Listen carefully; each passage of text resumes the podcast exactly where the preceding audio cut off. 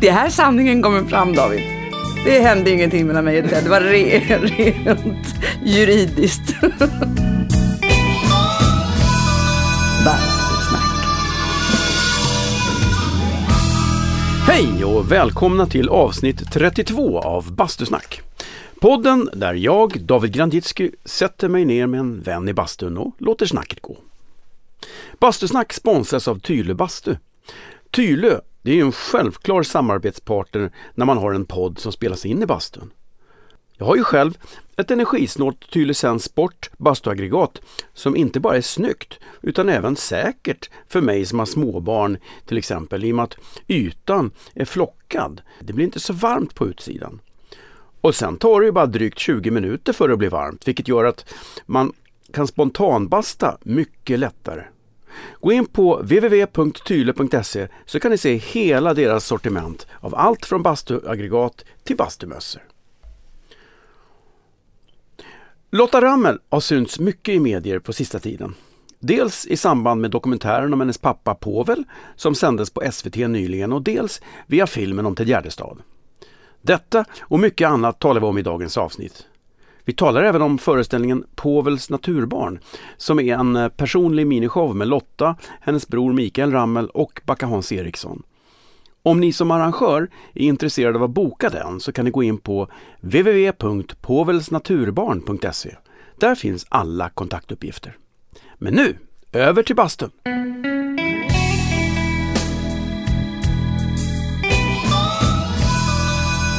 Bastusnack.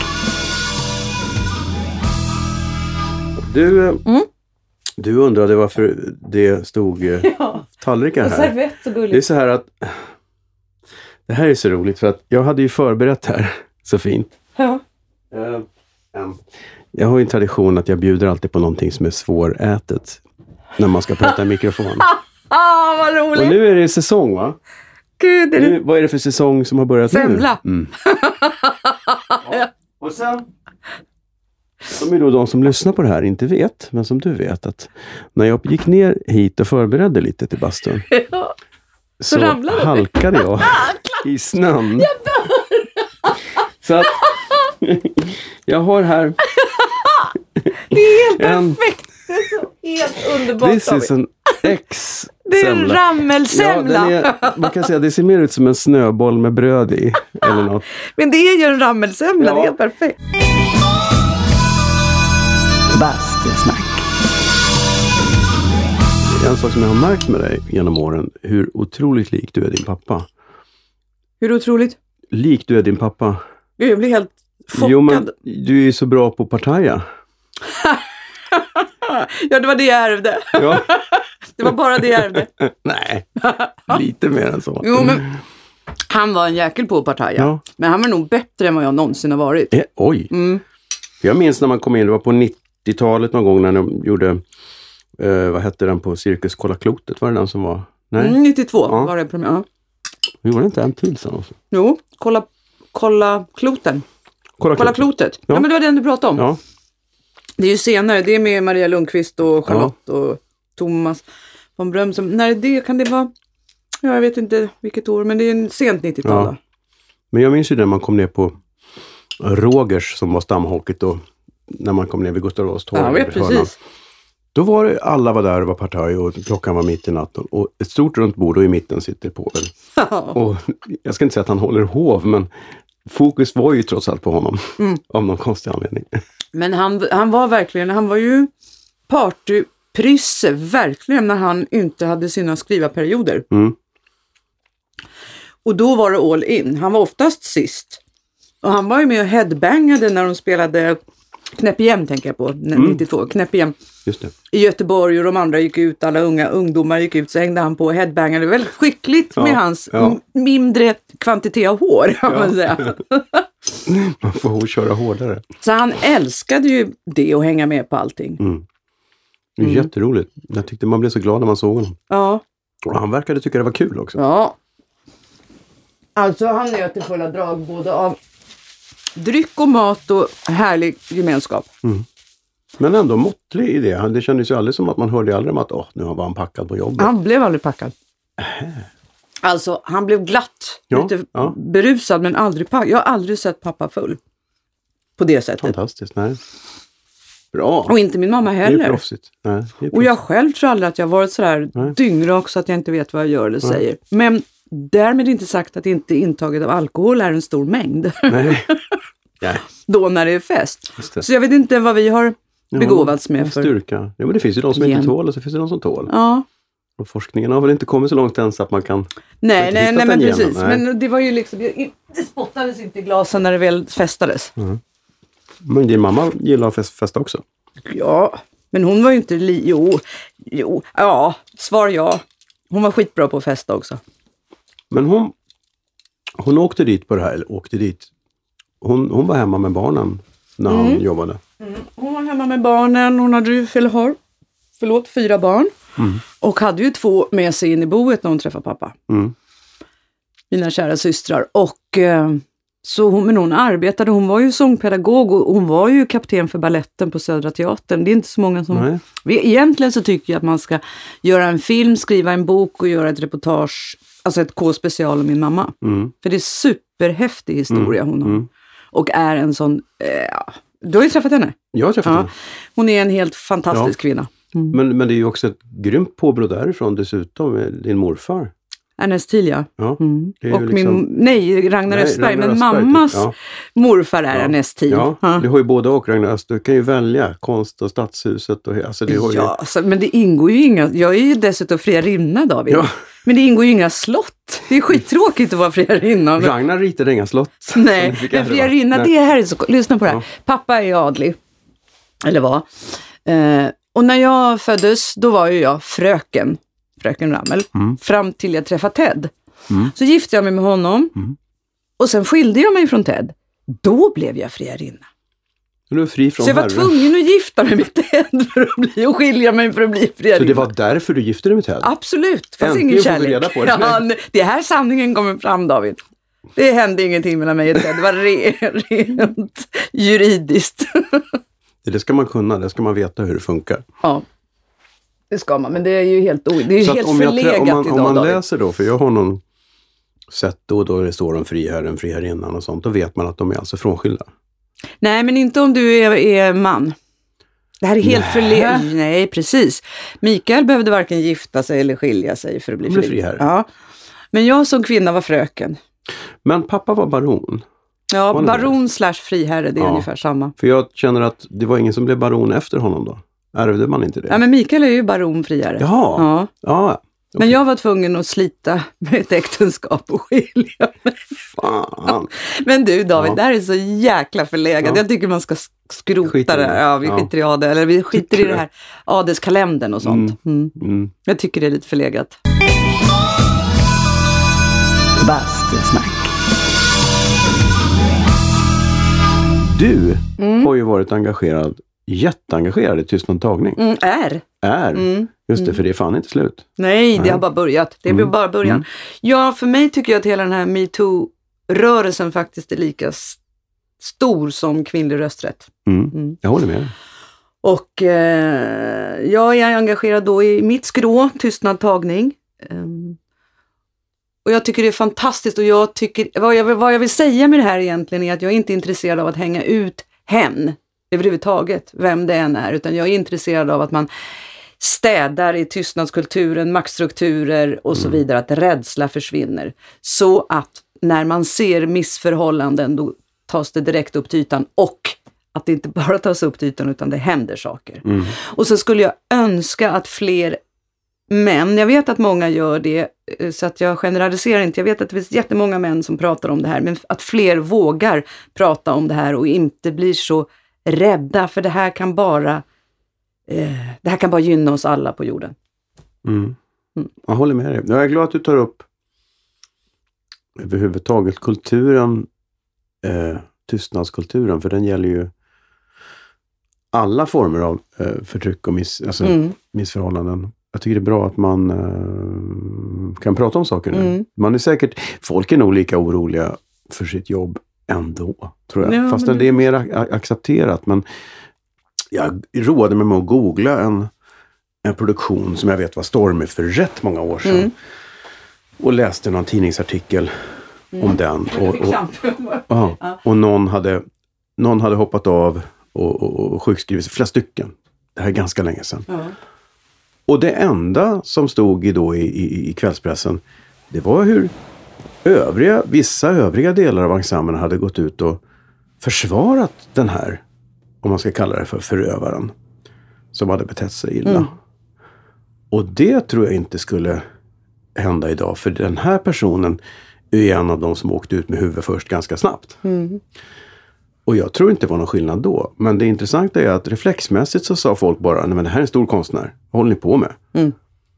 Och det kanske man har slutat med. Ja, att man skyddar sig bakom den store konstnären. Ja, eller att man, ja men folk i gemen, folk runt omkring tycker verkligen att det här är en stor konstnär. Äh, de är ju lite sådär. Mm. Det är inte okej, men det är så det funkar. Ja. Och det är det som jag upptäcker att eh, det är det som historiskt sett, det har liksom alltid varit så sedan 30-talet eller längre tillbaka. Längre men, tillbaka. men den här branschen är ju så konservativ i sina strukturer. Den är oerhört konservativ. Och det, jag läste Lars Ring i Svenska Dagbladet som tyckte att de stora institutionsteatrarna skulle sluta spela klassiker i tre, fyra år. Mm. Bara det skulle vara revolutionerande. För när man tittar på manus, hur de är skapade, Mm. klassiker, så är ju kvinnan hustru, sköka och så vidare. Det är ju roller som verkligen är under mannen på alla Mm. sätt och vis.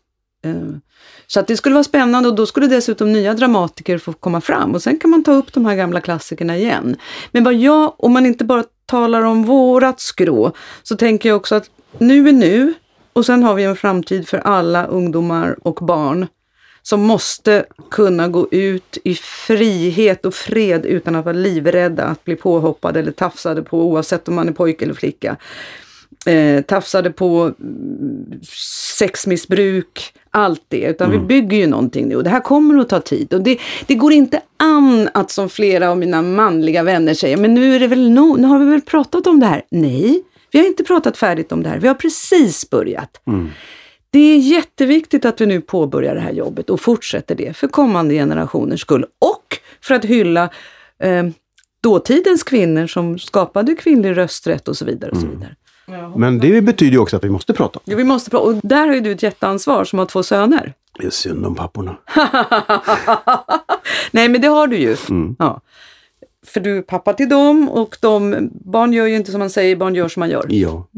Så vi får inte slarva bort det här som att nu är det väl nog som en liten eh, fluga no, några månader 2017, 2018, utan här har vi just påbörjat det här arbetet. Nej, jag hoppas det. För Mm. att jag känner lite att eh, det som hände hösten 2015 när hela Sverige var Mm. jätteengagerade i flyktingfrågan Mm, och som idag är, har vänt. mm, Frågan är, eh, jag tror inte att det här vänder, men risken det är så fruktansvärt, vi, vi är ett sånt löpsedelssamhälle. mm, Plötsligt så är inte metoo the big thing. nej. Och frågan är, ehm, Men sexuella Ja. trakasserier kommer alltid vara the big thing ja, för ja, alla oh, de ja, som blir oh, ja, utsatta. men uppmärksamheten. För att uppmärksamheten kom för att det var, det var så brett. Och sen så kanske säger någon redaktör att äh, det här har vi redan gjort ett jobb på. Mm. Vi behöver inte skriva så mycket om det här. Men därför är det ju så viktigt att man arbetar på gräsrotsnivå så att Mm. medias makt, in, att, det, att inte det är alena rådande. Nej, det är strukturförändring man Ja, behöver. precis. Det är Ja. skitviktigt. Vi får jobba på det. Skål alla grevar och baroner och friarinnor. Exakt. Bastusnack. Men jag skrev ju när jag var, ja, gammal var jag, 20-årsåldern kanske, då skrev jag, för jag var lite trött på den här frågan, hur känns det om pappa, bla bla bla. Så då skrev jag i telefonkatalogen, och för alla lyssnare som inte vet vad det är, så var det en tegelsten med Stockholms alla adresser, namn och telefonnummer i, som inte vill ha privat. Där skrev jag Lotta Rammel dotter, och sen adress och telefonnummer. Bra. Mm.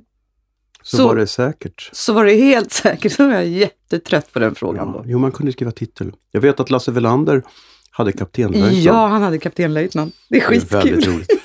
Och för er som är unga då så ska vi tala om att det är ingen militär grad, det är en drink. Vad är kapten? Det är punsch och... Ja, det är punsch och Konjak. och konjak. Ja. Så nu vet ni det. Ja, hej, jag måste faktiskt bryta in här och för att eh, rätta lite grann. För att jag vill ju inte ha en mailstorm här. Jag, jag, jag måste ju berätta att kaptenlöjtnant, det är en numera nedlagd likör från Systembolaget. Och den, den består av en blandning av eau-de-vie och klosterlikör. Blandningen konjak och punsch som vi snackar om, det kallas för guldkant. Så nu vet ni det. Och till sist, kaptenlöjtnant är faktiskt en militär grad. Idag är det dock bara den finska marinen som använder den. Nu tillbaks till bastun. det är fredag idag, kanske skulle ta sig en liten kaptenlöjtnant. Men jag jobbar med ett gäng eh, unga killar i 25-årsåldern och när de säger någonting till mig så säger jag fortfarande så här, står han eller hon i katalogen? Och de skrattar som dör. För att det bara kommer, det är ju naturligt. Får googla. Mm. Finns det på Wikipedia? Ja. Ja men Eniro, ja. Eniro håller på att gå omkull. Är det så? Ja, Mhm. Det, de klarade inte övergången från papperskatalog till digitalisering kan jag säga. Mm. Det var, Katastrof. ja det var katastrof. Du, vilken god, vad god den var den här ramlade Ah, semlan. min- Ja precis. Kanske skulle fixa semmelspons. ja. Faktiskt. Vad säger ni? ICA Kvantum Sickla. ja. Om ni hör det här, shout out. Jag ska gå upp och prata med, det var väldigt bra bageri där uppe. Man kan beställa tårtor och allt möjligt. Jaha. Ja, nu har jag gjort reklam för dem tillräckligt. Eh, du måste råka ut för det rätt mycket. Att när man träffar dig så ska man prata om alla andra. Ja, men det där är jag ganska noga med att snabbt stru- eh, styra bort. Eh, och det, nu är jag ju 60 bast, så nu har jag mycket mindre krångel med det där än vad jag hade när jag var yngre. Nu kan jag tycka att det är väldigt trevligt att prata om de två så saknade personerna. Mm. Men eh, förr så var jag skitbra på att styra bort det, för jag ville det. Och jag är så pass min egen, så jag har inga problem. Jag har aldrig sett mig som eh, beroende, i beroendeställning till pappa eller Ted. Aldrig någonsin. Nej. Och det brås jag nog mycket på ifrån min mamma. För det är ju kämpigt ändå att, att försöka i samma bransch. Ja, men man kan så tycka, men jag tror att det var, var kämpigare för Mikael som är i musikbranschen. Jag är ju skådespelare och det är lite, lite längre bort ifrån vad det är pappa höll på med. Mm. Jag, men, och jag tyckte nog att det var kämpigare när vi var ung, men jag har inte... Ja, Jag tänker just de här känsliga åren, åren sådär 18 till 25. Ja, Håll käften, vill inte, man byter nästan ja namn. nej men precis. Men jag hade aldrig det. Alltså jag har alltid, och det här låter som så här familjen perfekt. Alltså det, det är ju det. Ni är perfekt. Ja, Nej, men inte men familjen bra menar jag Ja. mer. Eh, jag har alltid tyckt så mycket om det farsan gör och haft så kul med båda mina föräldrar så att jag har aldrig känt det där Eh, upproret. När jag var 12 år en sommar, då var jag ihop med en kille som hette Dunke. Och vi var ute på landstället och det var mamma, han och jag. Och då bestämde jag mig att jag inte skulle prata mer med min mamma i hela mitt liv. Varför vet jag inte riktigt. Och hon tyckte det här var förfärligt för jag var alltså tyst, jag nonchalerade henne. Och då gick Dunke 12 år, efter en vecka hade det här pågått, ner till mamma i huset där hon satt vid köket och tog henne i handen och så sa hon så här, Susanna, hon kommer att bli bra. och det glömmer mamma Moget. aldrig. Ja, det är jättemoget. Men det är nog den protesten jag har Och gjort. det i blev det också, men han är inte kvar i ditt liv. Dunke, nej. Nej. nej. Hej det, Dunke om du han hör det såg, här. var det för att han såg igenom dig? nej, men vi var ihop ganska länge, jag tror vi var ihop i tre, fyra år. Ni har ingen kontakt idag? Nej. Nej, vi var på Facebook lite. Ni har det? Ja. Okej. Mm. Dun, han heter inte Dunk. Nej, han heter Sverker. Sverker. Mm. Som Sverker. hästen. Hästen heter Sverker. Lingonben. Ja! Mm. Mm. Det var nu, Mm. många associationer flyger här. Ja, ja. Idag. Men jag vill bara svara då, att det är ingen konflikt i mig Nej. längre att prata om de här älskansvärda personerna. Och jag är min egen och jag är stark nog och jag är extremt politiskt intresserad och driver de frågorna. Och jag är min egen ä- även i yrket, så jag har inga problem med det. Så du kan prata hur mycket du vill om Ted och pappa och när jag tröttnar så kommer jag säga ifrån att nu vill jag prata om mig. Men du, politiskt. Mm. Där gled du in på en sak som jag, jag såg ju den här åt helvete för korta filmen om din pappa på SVT som var en timme som borde ha varit tre Mm, timmar. absolut. För det, den var en snuttifierad, Ja. den var fin i sig men, men man kände att ja, man kom Mm. inte in på någonting. Håller helt med. Bortsett från, jag läste någon kuplett om eh, solkraft, vindkraft, nej, nej, nej, kärn, eller Ja, det var ingen kom- och Det kärnkraft. var Alltså, ingen kuplett men det var nej, en men, text. ja. En text. Eh, The Natack var han Jump. Mot, just det, så var han mot kärnkraft. Mm. Men i övrigt, om man jämför med Hasse och Tage, så var han ju ganska opolitisk. Men det där är ju en myt. konstnärligt. Är det så? Mm. Eh, han var aldrig partipolitisk eller han gick inte på personangrepp men han har ju skrivit många politiska texter. Is till punchen är en enda lång politisk eh, manifestation och sen så har vi Grisälven, Ja. vi har Moder Jord. Alltså det man kan, jag kan räkna upp, Ja. jag kan sitta och rabbla. Så jag skulle vilja säga att han visst var politisk, Mm. men han var inte han stod inte längst fram på barrikaderna. Nej, han inte- men han var det ja. i sitt författande, i sina låttexter. I vissa, inte alla förstås. Så Ja, jag det vill att du reviderar Jag den reviderar min uppfattning. Nej, ja, det, det, jag gick inte, jag hade egentligen inte så mycket på fötterna när jag ställde den frågan. Jag hade bara den allmänna. Men det här säger jag i Känslan. den där intervjun i det programmet, men det är bortklippt.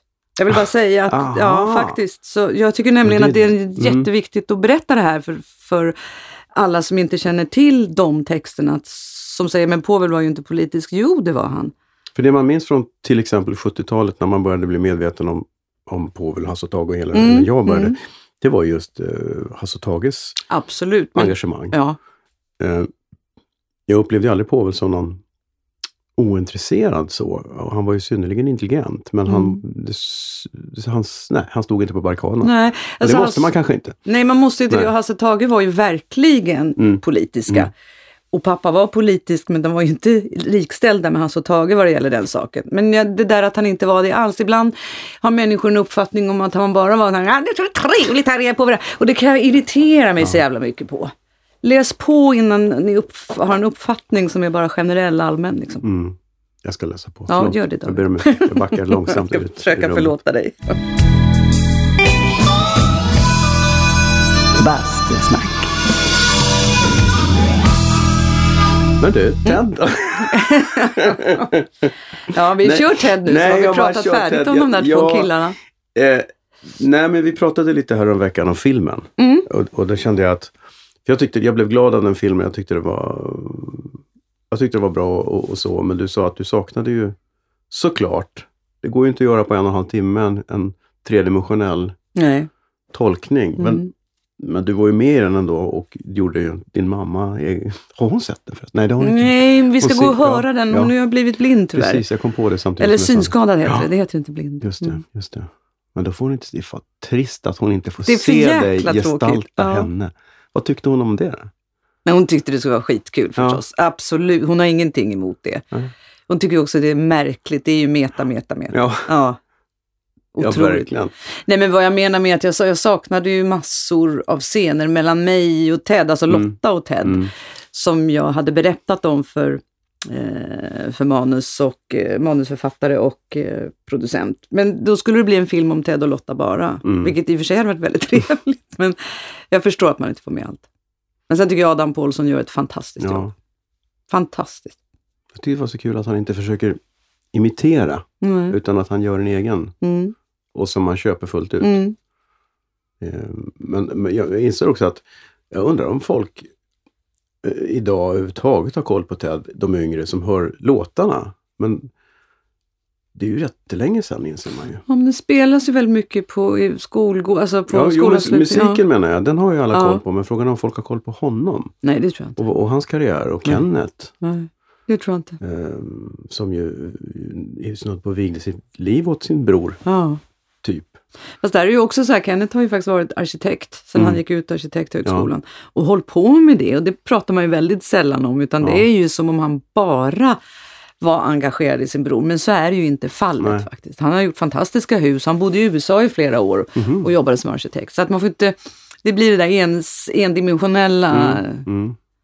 Sen hade ju de en storbror Mhm. Kjelle, som inte nämns särskilt i filmen. Och jag tycker inte man ska glömma bort honom. De var tre bröder. Men, ser man det i filmen? Nej, det sägs eh, väldigt i början, vid första måltiden säger man namn, säger, nämner man honom. Mhm. Han var bara... Äldst. Hur gammal var han då? Var han mycket äldre än... Eh, nej, men han, alltså, du vet, jag kan inte. Men han var äldst, äldre, Mhm. storebror. Mm.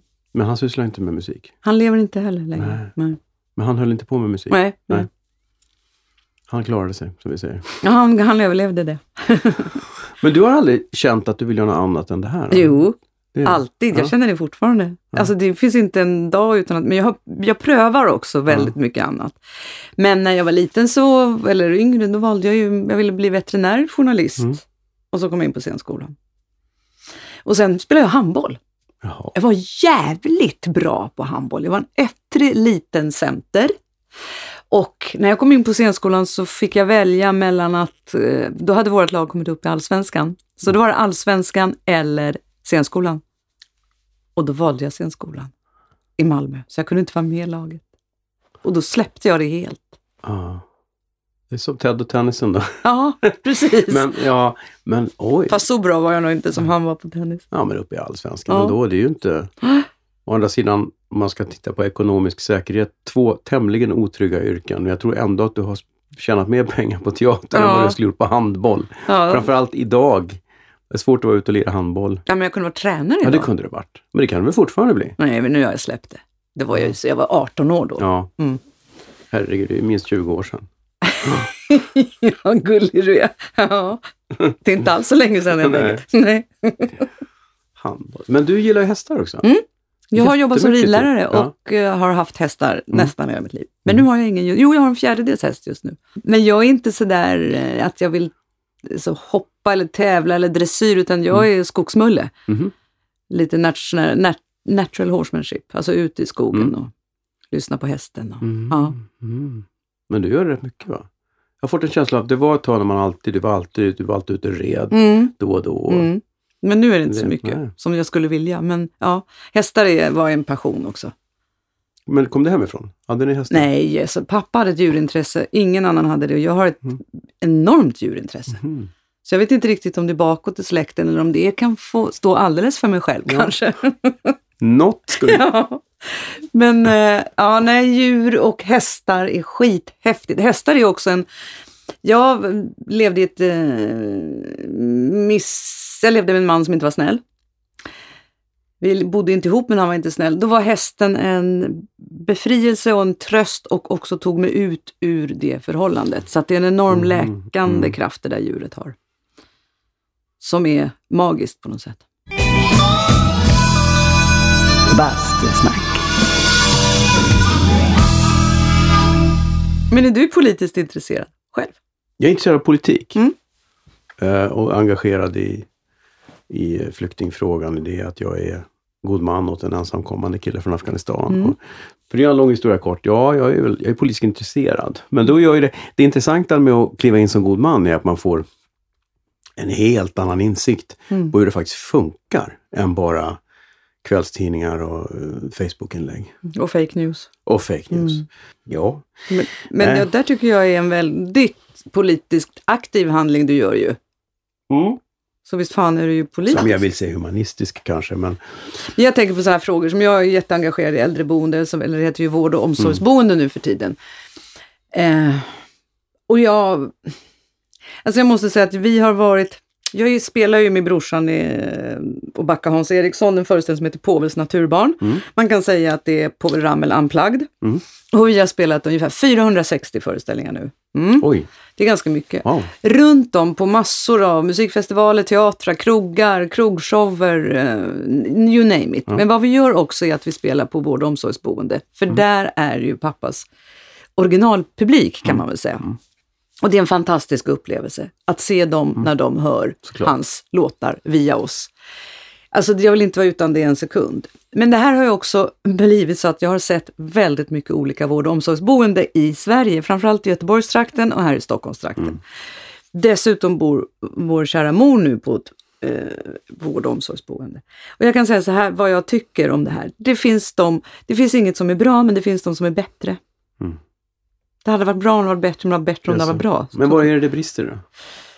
Ja, oftast, det, de, det kan brista på allt på vissa ställen, verkligen på allt. På personalen, på maten, på tilliten, på omsorgen och så vidare. Sen kan det finnas de där det bara brister på maten. Jag förstår inte hur svårt kan det vara att få god mat? För det, ju, det kostar ju en del. Det är ju inte gratis att bo på ett vård och omsorgsboende. Sen kan det brista på att personalomsättningen är för stor. Det är alltid bra där personalen stannar.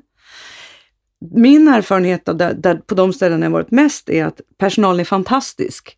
Ledningen har tillkortakommanden hela tiden, för personalen går på knäna, maten är katastrof och just nu är jag väldigt förbannad av de här frågorna, för det funkar inte. Det är så enormt tjusiga broschyrer, om man tittar på många. Det är inte med verkligheten överensstämmande.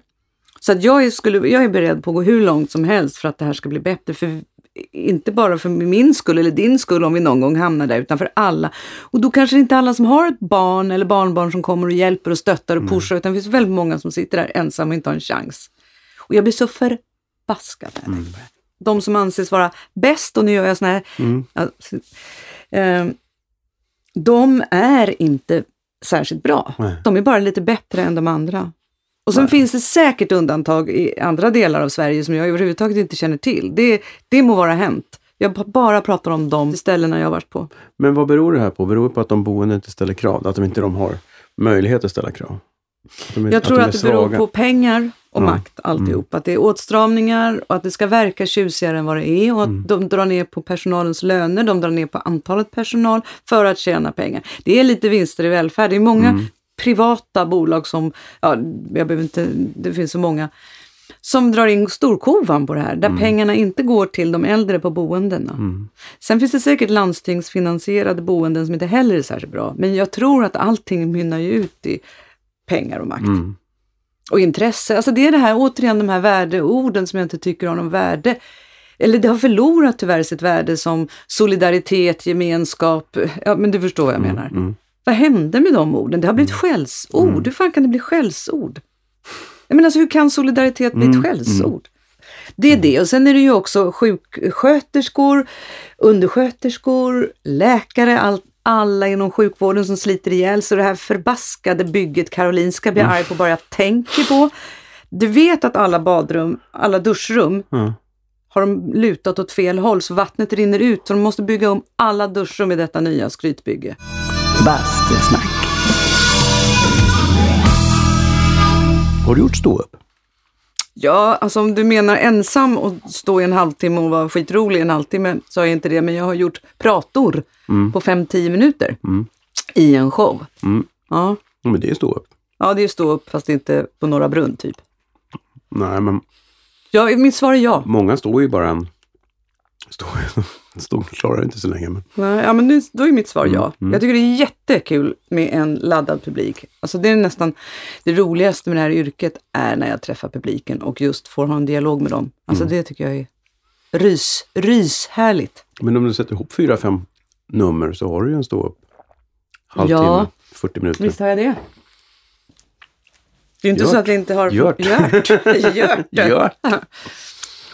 Ja, men jag gör, gör annat. Ja, gör, vad gör du annat då? Jag jobbar med en grupp som heter Unga Giljotin. Mm. Vi gör satir, satir, teater. Vi har gjort en pjäs som heter Det är synd om papporna. Obs! Ironisk. Åh fan, det kunde jag nästan ha gissat. ja, men det är en del som... Det vad fan, det, hur då synd? Ja, Ja, jag vet skulle jag sagt. Det. ja exakt. Jag vet, vad skönt att ni tar upp det där. Åh, tack Lotta. Men det är faktiskt tre unga, då var de tre unga killar som är feminister ute i fingerspetsarna och tyckte det här var skitviktigt och det tyckte jag med. Så vi improviserade fram den och den har de spelat ganska mycket nu eh, genom, i två års tid.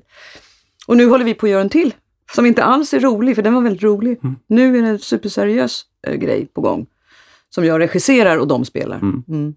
Men unga giljotin, sitter ihop med giljotin? Det gjorde det, men nu har Teater Giljotin blivit av med den lokalen Unga Giljotin tillhörde. Så nu är vi, eller vi, de, när jag är engagerad, jag säger vi nu för jag är med dem nu, fristående. Redan på Hornsgatan? Nej, vid Sankt Eriksplan. Du tänker på tribunalen tror jag? Jag tänker på tribunalen. Mm. Ja, det finns så många grupper. Ja, du, Men man kan inte välja giljotin på Horns... Nej, Nej, men, så, Sankt så, på Eriksplan. Sankt Eriksplan, är det... Gamla Pistolteatern. Jaha, Det går ju, man Ja. hör ju på namnet, Pistolteatern, Giljotin.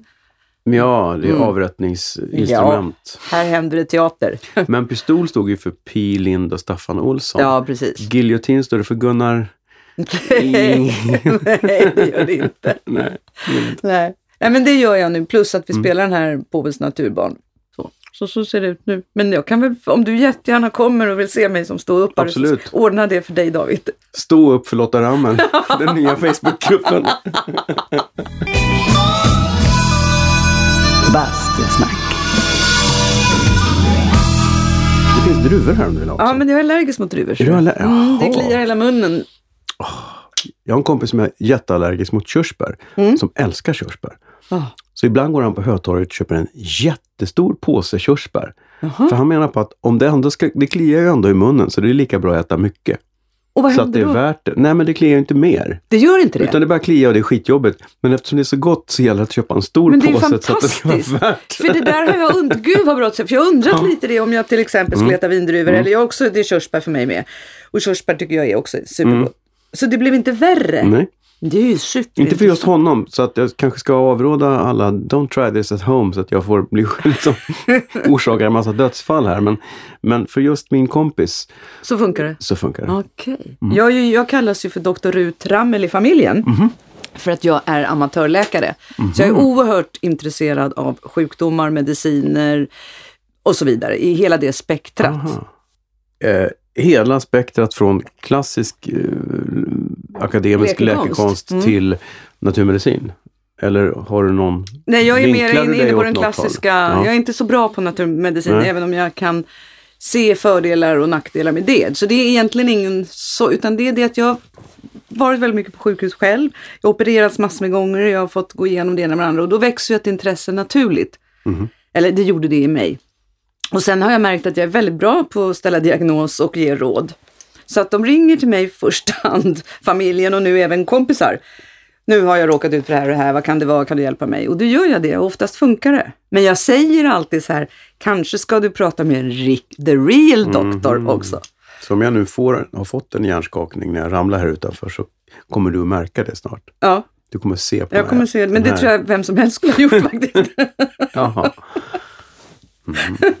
Nej, men jag är jätteroad av det. Verkligen road. Det är därför jag är så nyfiken på hur det gick med honom. Ja. Men- Ah, Men det här är ju då något som jag avråder från, anekdotisk Mm. bevisföring. Det vill Mm. säga, det är Jag en förstår. kompis till mig som har för det, med anekdotisk bevisföring kan man bevisa vad som helst. För Ja. man har ju alltid en kompis som blev frisk när de Mm. och så vidare. Och så vidare.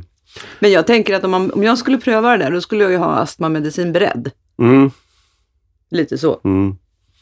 Och Man åker upp och till akuten och säger Och Hej, äter skit i mig, körsbär." men ko- kolla, kolla lite så det inte händer något i hörnan. Jag ska bara äta lite Ja, körsbär. precis.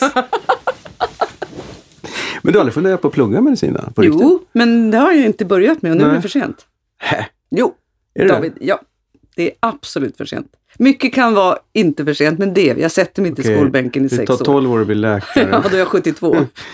ja, men alla bra läkare är ju gamla. Ja, men jag kommer inte Ja. göra det här David. Nej, nej, okej. Då föredrar jag att stå upp bara fyra små Men minuter. kanske, kanske eh, du kanske kan bli bisittare i Fråga doktorn?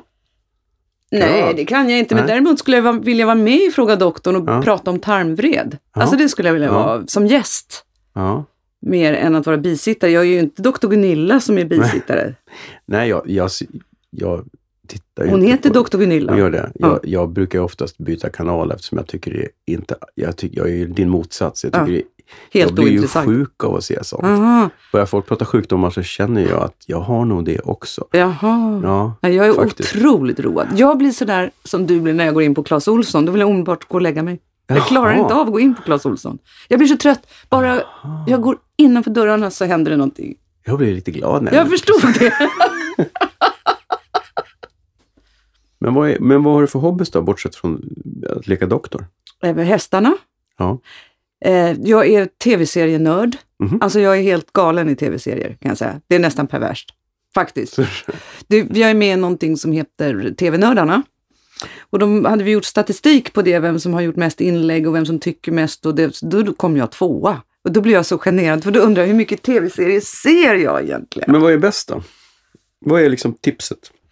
Det är ganska många, men har man inte sett Rectify på Netflix, Mm. då tycker jag man ska. Det är en serie som många har missat, som är helt fantastisk. Det är fyra säsonger tror jag. Den är helt, skådespeleriet, allting är topp. Eh, det är en sån här udda grej som många inte känner till. Sen så tycker jag det finns så mycket bra. Line of Duty, men den har gått på SVT, den är fantastisk. The Handmaid's Tale, Mm. Bloodline. Åh, gud vad vi väntar på mm, säsong två. ja, eller hur? Ja, hur ska det gå? Ja, hur ska det gå? Bloodline, Mm. Ehm, The Night Off. ehm, Men då måste jag fråga. Ja. Har du sett Breaking Bad? jag är en av de få som inte tycker om den. Ah. Så att jag ruttnade efter så här fem avsnitt, så jag har inte sett den. Men då har du inte sett spin-offen heller, Better Nej. Saul? Nej. För jag började ju med spinoffen. Aha. Och det gjorde det hela mycket. Jag fattade inte, jag hade inte sett Breaking Bad och det tog en stund innan jag fattade att Better Call Saul var en spinoff. Och det blev jätteintressant när jag sen såg Breaking Bad. För de krockar ju lite grann och figurerna går in och ut. Aha. Mycket intressant fenomen. Ja. Så jag kan rekommendera att se Better Call. Saul först. För det blir verkligen spaceat. Ja. För då har man hela backstoryn Ja. till advokaten. Men, men du har inte sett den? Nej. Okej. Vad, vad, finns det annat för serier som är överskattade då, som du inte gillar? Nej, men jag gillar till ser? exempel inte den här Westworld heller. Nej, den tyckte jag var konstig. Ja, men alltså, det var både västern och eh, motorsågsmassakern våld. Det går inte ihop för mig. Jag tycker båda är skittråkiga fast Och jag gillar robotar. hästar. Och robotar Ja. dessutom. Och jag som är sån hästfri, jag klarar inte av västern. Alltså, det går inte. Nej. Så den är överskattad tycker jag. Det finns ganska mycket som är Men överskattat. Star Trek då? Det har jag aldrig sett. Ja, på, film, på jag, bio. nej, men jag började se på nya senaste Star Trek som Ja. går på någon av de här HBO eller Ja. Netflix. Någon kväll när jag inte orkade se någonting som jag behövde tänka. Det är så här, jag måste se någonting som är hyfsat underhållande och det gör inget om jag somnar. Nej. Och så slog jag på Star Trek och upptäckte att men det var helt okej. Okej. Ja. Ja. Det var faktiskt inte så dumt. Eh, jag har somnat några gånger men, men det, ja. Men jag har kvar hela Game of Thrones. Ja, samma här. Inte sett Nej. faktiskt. Och så att jag tänker så att någon gång kommer jag låsa in mig. Ja. Så kommer jag väl inte ut förrän på andra sidan. Nej, just det. Den, det ska ju, alltså jag vet inte, det är så här, inte det vikingar eller trollkarlar och skit. Jag det är det värsta inte. jag vet, men de, de säger ändå de Ja. som vet ungefär vad jag gillar. Ja. De kommer torska. För jag tittade lite på den här Vikings och det var Nej, ju det är bara inte min grej. jättejobbigt tyckte jag. Ja. Nej, jag gillar när Ja. det är psykologisk thriller, alltså det är någonting som skaver lite. Ja. ja. Men oj, med den här med Alexander Skarsgård. Alltså Big Little Lies. Big Little Ja, men Lies. sådär tycker jag. skaver Lite det. för amerikanskt Jaha. glamourigt med brudarna där som är hemmafruar. Det var lite för likt, vad heter det, hemmafru-serien? Desperate Housewives. Ja, det var lite för mycket Desperate Ah, ja, den Housewives jag över det. Men jag Ja, tyckte Alexander ja. var skitbra. Ja, otäckt. Otäckt bra faktiskt. Den var, jag tyckte den var... Men har du inte sett Bloodline? Nej, Nej, det ska jag. inte sett. Okej, måste se Och den. Rectify? har Handmaid's Tale har du sett? Ja, Handmaid's sett, ja. om. Men den här uh, How to meet, commit a murder, vad heter den då? How to get away with murder. Jaha, vilken kanal? Ja, Netflix eller HBO? tror jag. Ja. Ja. Ja, Ska jag kolla? Nej, ja, den har jag inte sett. Missat. Och du ska vara... Ja, men alltså det kan ju vara så. Om du har afasi på namn har jag lite Ja. afasi, för jag kan ha sett och bara, ah, okej. Jag har tänkt att nej, det här var inget. Nej, men att jag har glömt bort också. Ja, aha, du kan glömma en hel serie. Tydlig, det är det som är jävla bra, för då kan man ju se om den. Det är jättebra, det är helt perfekt. Bastusnack. Men min, jag har också ett intresse, du frågar hobbys. Ja, Ja, mat. mat. Ja. Mm. Äta, Äta den och, och laga, laga. den. Mm. Och diska den. Nej. Jag har inga bekymmer med diska. Nej. Jag har aldrig ägt en diskmaskin. Jag diskar inte maten. Nej. Hallå, Diska efter maten. äckligt. Ja. Nej, jag har aldrig ägt en diskmaskin. Är det sant? Mm. Så att jag diskar gladeligen bara jag slipper dammsuga. Aha, Det tycker jag är skittråkigt. så pass. Ja. Aha. Men vad lagar du för mat då? Eh, nu har ju jag blivit eh, vegetarian sedan i juni. Mhm. För att jag är köttälskare. Men jag bestämde mig inte för någon annan anledning än för djurens skull. Så det är inte av hälsoskäl Så eller du så. käkar vilt? Nej, jag tycker inte det är gott. Ah, Jo, ren kan jag tycka Ja. om. Men jag äter lamm då och då. ja. Och sen så blir jag lite ledsen att jag aldrig skulle få äta. Så att jag har en köttdag i månaden. Så är livet nu. Ja. Och då, då ägnar jag mig åt att den, denna ljuvliga dag. jävlar ska Mm. det vara det perfekta Men annars är jag köttet. lite nu i någon nyskapande Mm. nytänk kring vegetarisk mat. Mm. Så jag experimenterar med det och det är ju, blir ju roligare ju mer man håller på. Mm. Det finns ju mer och mer. Först tyckte jag det var ganska begränsande. Det är svårt Men tycker jag jag. för äter vi fisk har och ju- skaldjur ska jag säga. Vi, jag har försökt det också. Vi har ju tyvärr glutenintoleranta i familjen vilket gör att många av de här substituten som man hittar innehåller ju gluten. Ja. Så då torskar man på det. Ja. Idag hittade jag något nytt som jag inte minns vad det heter som jag ska försöka lura barnen ikväll göra tacos på. Mhm. Som var någon sorts bön, eh, havregrejs, kött. Har ni sådana fredagsmys? Nej, men jag ska laga middag och jag vet att då kommer jag enklast undan om jag gör någonting de gillar. Så Ja, slipper man klart. fighten. Nej, vi har inte så mycket fredagsmys för vi jobbar ju båda två oftast Ja. fredagskvällar. Så att de, men, men de har det. det har blivit dags för Skämskudden. Herregud vad pinsamt. Skämskudden. Nej, inte den där gamla demon! Det är så att jag flera gånger också drömmer om, alltså det är så konstigt att jag faktiskt tre gånger har drömt att jag är ihop med Pamela i Dallas. Och jag vaknar varje gång och, Wow. vad fan händer? Det är jättekonstigt. Det jag kanske kan tittar för mycket på med- serier. Det kan vara att överdosera. Att Jag tycker det är väl... Pam, du dröm... Ja. Hmm. Mm. Ja, jag, kan, jag har inte ens ett svar på den. Det är liksom... Har du verkligen Jag har inte inte det? tänkt på Pamela i Dallas på 30 år. Nej. Men jag tittade ju liksom på Dallas med fullständigt kritiska, totalt kritiska Ja. ögon då. Så jag har aldrig varit en Dallas-freak. Varför dyker hon upp i mina drömmar? Snälla ni som hör det här, berätta för mig varför Pamela i Dallas då och då eh, dyker upp väldigt fysiskt i mina drömmar.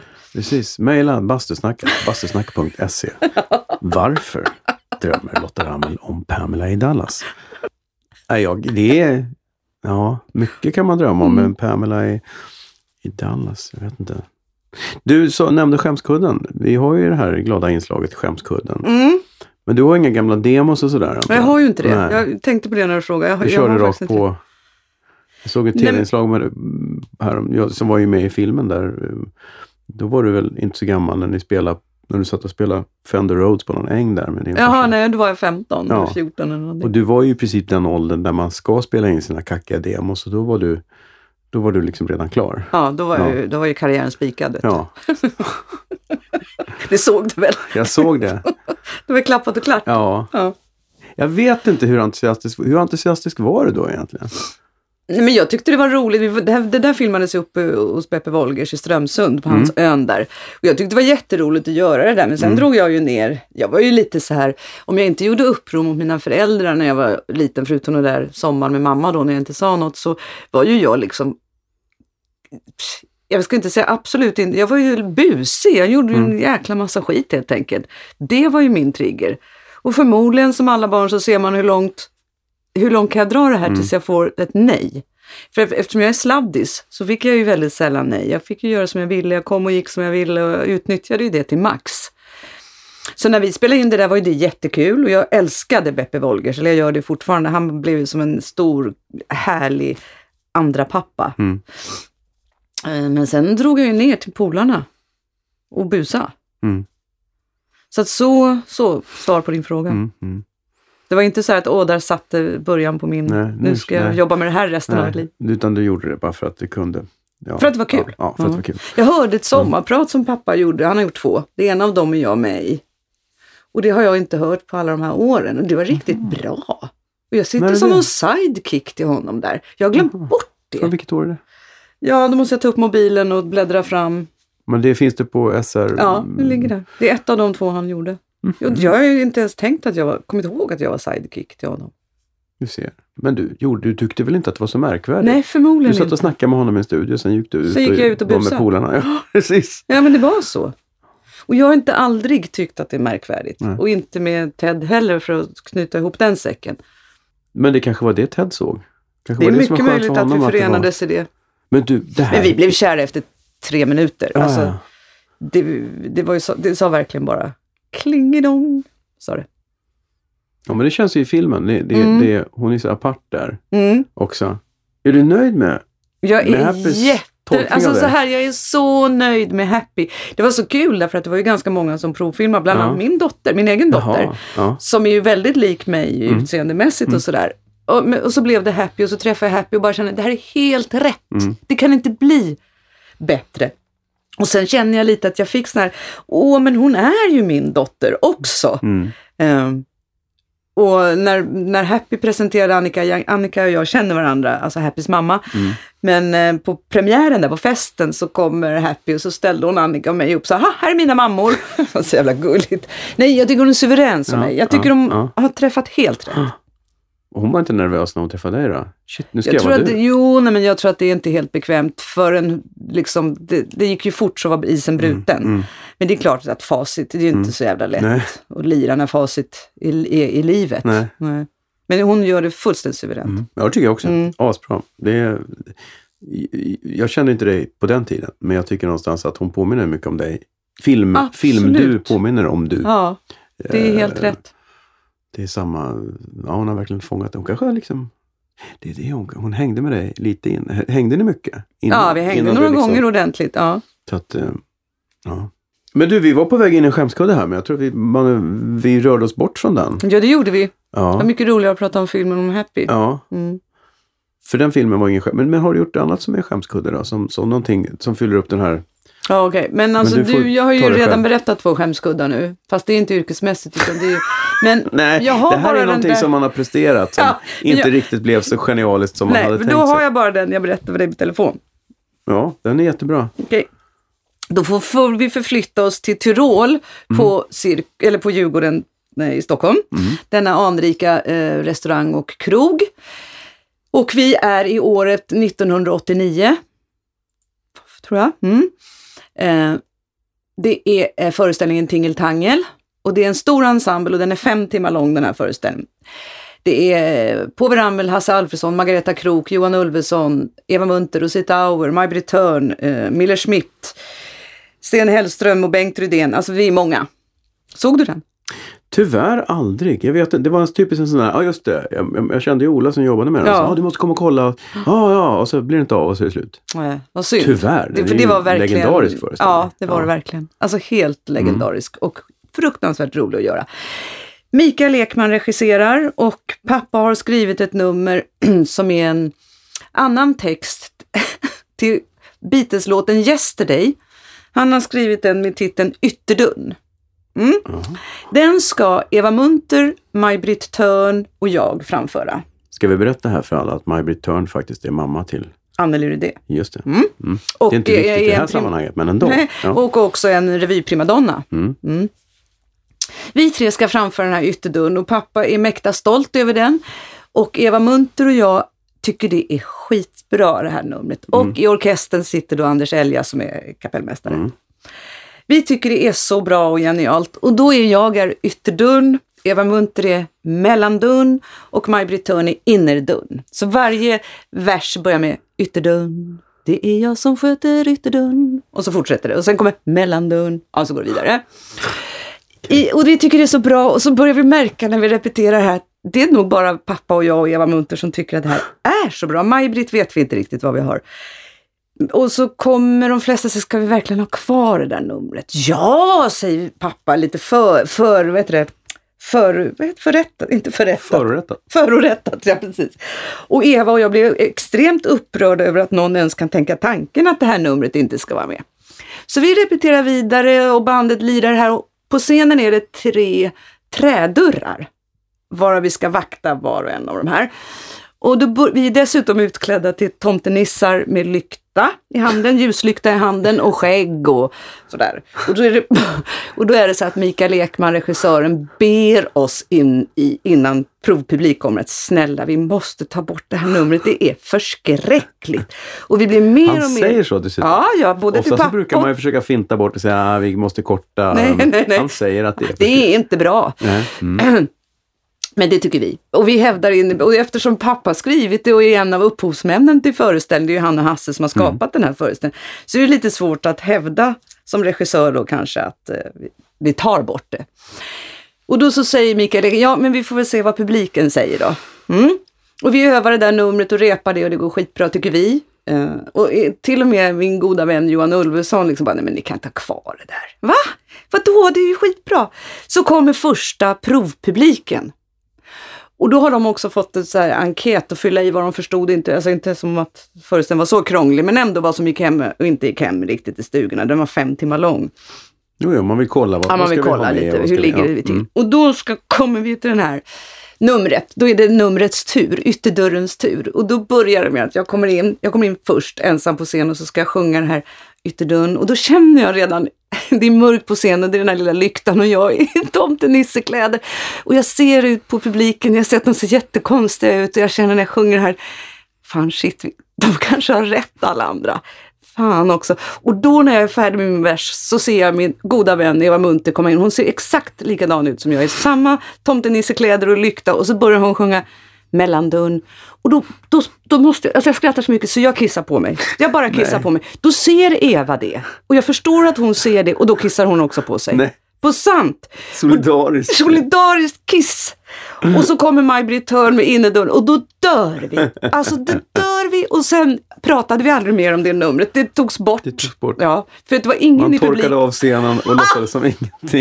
Ingen i publiken förstod ett skit. Men var det roligt även då eller kändes det bara jättejobbigt? Nej men det kändes mer att fasen vi förlorar matchen. Ja. Mm, om denna e- extremt begåvade text. Bastusnack.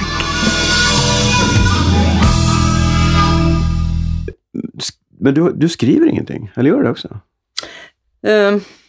Ja, Apropå arv och sånt där. Men jag, nej, ju- jag skriver inte särskilt Nej. mycket. Vad, vad det blir i skrivande är att det blir ju med Unga Giljotin så improviserar vi fram föreställningen och Mm. då blir det en text av att de med mig har improviserat fram det. Men om du menar skrivit texter så nej. Det gör jag Mm. Eller inte. böcker eller visor eller vad som helst. Ja, nej. Nej. Och det, alltså jag egentligen skulle jag tycka det var ganska kul. Men nej, det har inte blivit så. Än. Men gör det då. Ja, som vi brukar säga i jag den här podden. stand-up och så ska jag bli läkare och så ska jag... Vi skiter i läkare. Okej. Men stand-up så kan du ha allsång. Stand-up med allsång kanske. Ja, Hur nej. går det till? Nej, men jag tror att, men stand-up tror jag på. Mm, får se. We'll see about that. Du, eh, jag har ju ett skönt hål i isen. Mm, du menar att vi ska ner där nu? Ja, Regina Lund bangade inte förra veckan. Och vad, vad betyder det för mig det betyder menar att Om du- hon inte bangar nej, så ska jag inte ska heller inte banga. banga. Nej, men du är ju som sagt, alltså partyprinsessor badar väl alltid isvak? Partyprinsessor Okej, ja. badar ju aldrig.